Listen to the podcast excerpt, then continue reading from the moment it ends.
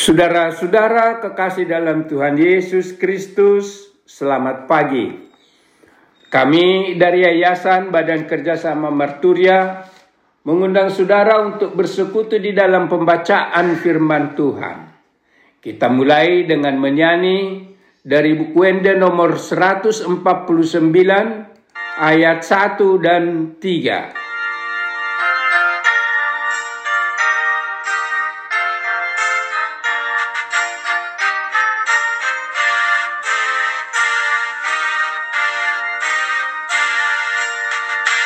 Hotokomi hutono ku Yesus si pangoluau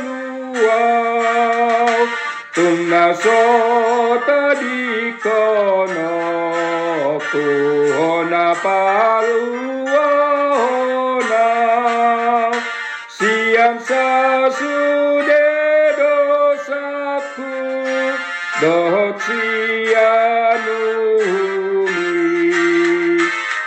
Natokong habiaraku ala pardosa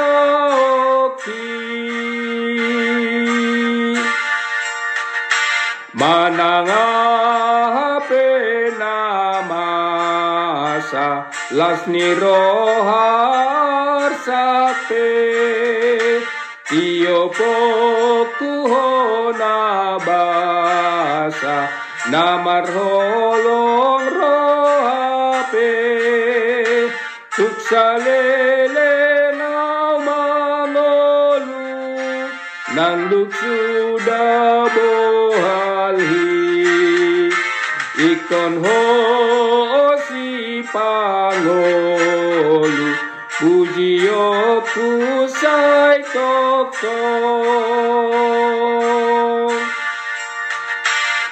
Aku selalu ikut Yesus Tuhan Juru Selamatku. Aku tak meninggalkanmu Yesus Tuhan penebus.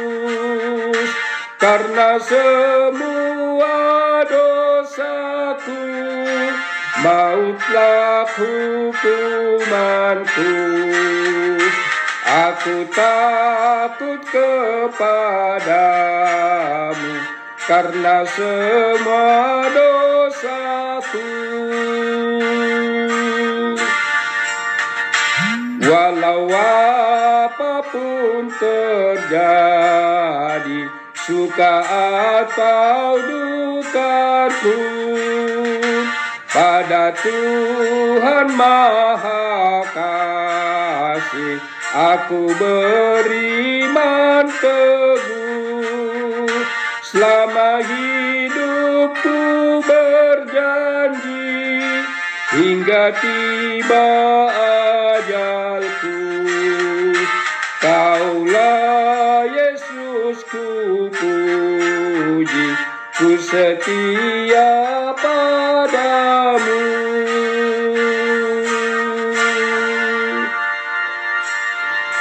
Mari kita berdoa Tuhan di pagi hari ini kami datang memuji dan memuliakan namamu kami mensyukuri kehidupan baru dan berkat-berkatmu sepanjang hari ini.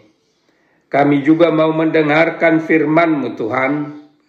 Berfirmanlah, kami telah siap untuk mendengarkannya. Berikan kami kekuatan untuk memahami dan melakukannya di dalam kehidupan kami sehari-hari. Amin. Saudara-saudara kekasih dalam Tuhan Yesus Kristus, firman Tuhan yang akan kita baca dan renungkan di pagi hari ini tertulis di 1 Samuel 7 ayat 3. 1 Samuel 7 ayat 3. Demikian firman Tuhan. Lalu berkatalah Samuel kepada seluruh kaum Israel demikian.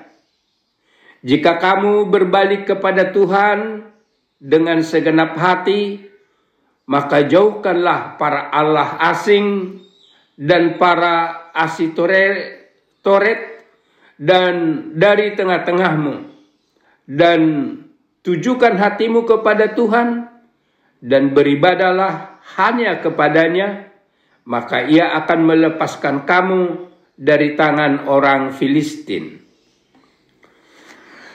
Kita beri judul beribadah hanya kepada Tuhan. Menjelang akhir pemerintahan Eli sebagai hakim atas Israel, bangsa Israel ditaklukkan oleh bangsa Filistin dengan korban 30 ribu orang pasukan Israel gugur, termasuk kedua anaknya Eli, yaitu Hofni dan Pinehas. Pada, pada pertempuran itu, pasukan Filistin juga merampas tabut Allah dan membawanya ke Dagon. Mendengar berita itu, Eli terjatuh dan meninggal. Demikianlah tahun berganti tahun, hidup bangsa Israel menjadi susah di bawah tekanan Filistin. Banyak di antaranya menyembah berhala, membuat hidup mereka tambah susah dan terus mengeluh. Saudara-saudara kekasih dalam Tuhan Yesus Kristus, Mendengarkan keluhan itu, Samuel menasihatkan semua kaum Israel menjauhkan segala berhala dan menyembah Tuhan Allah dengan segenap hati dan beribadah hanya kepadanya.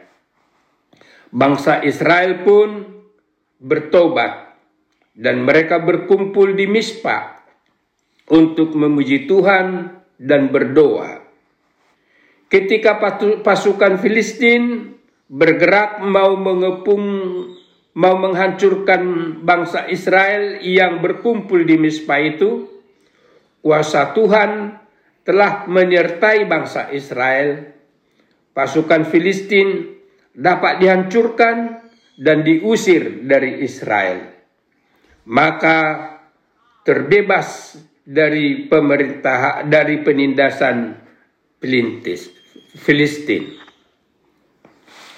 Saudara-saudara kekasih dalam Tuhan Yesus Kristus, sebagaimana diuraikan di atas, firman Tuhan hari ini menyampaikan dua pesan bagi kita sekarang ini. Pertama, hidup kita akan terus menjadi susah bila kita menjauh dari Tuhan dan mengandalkan hidup kita kepada berhala dan penguasa dunia ini. Dengan demikian, kita harus berserah kepada Tuhan serta hanya memuji dan menyembah Tuhan Allah. Kedua, bersama Tuhan Allah kita dipelihara dan diberkati. Dikuatkan melawan musuh, bahkan dilindungi dari berbagai bahaya dan maksud jahat orang lain. Oleh sebab itu, marilah menyembah Tuhan saja dan beribadah hanya kepadanya. Amin. Mari kita berdoa. Terima kasih Tuhan telah mengingatkan kami untuk tidak menyembah berhala dan kuasa dunia ini. Akan tetapi menyembah dan memuliakanmu dan beribadah kepadamu. Amin. Tuhan Yesus memberkati kita semuanya.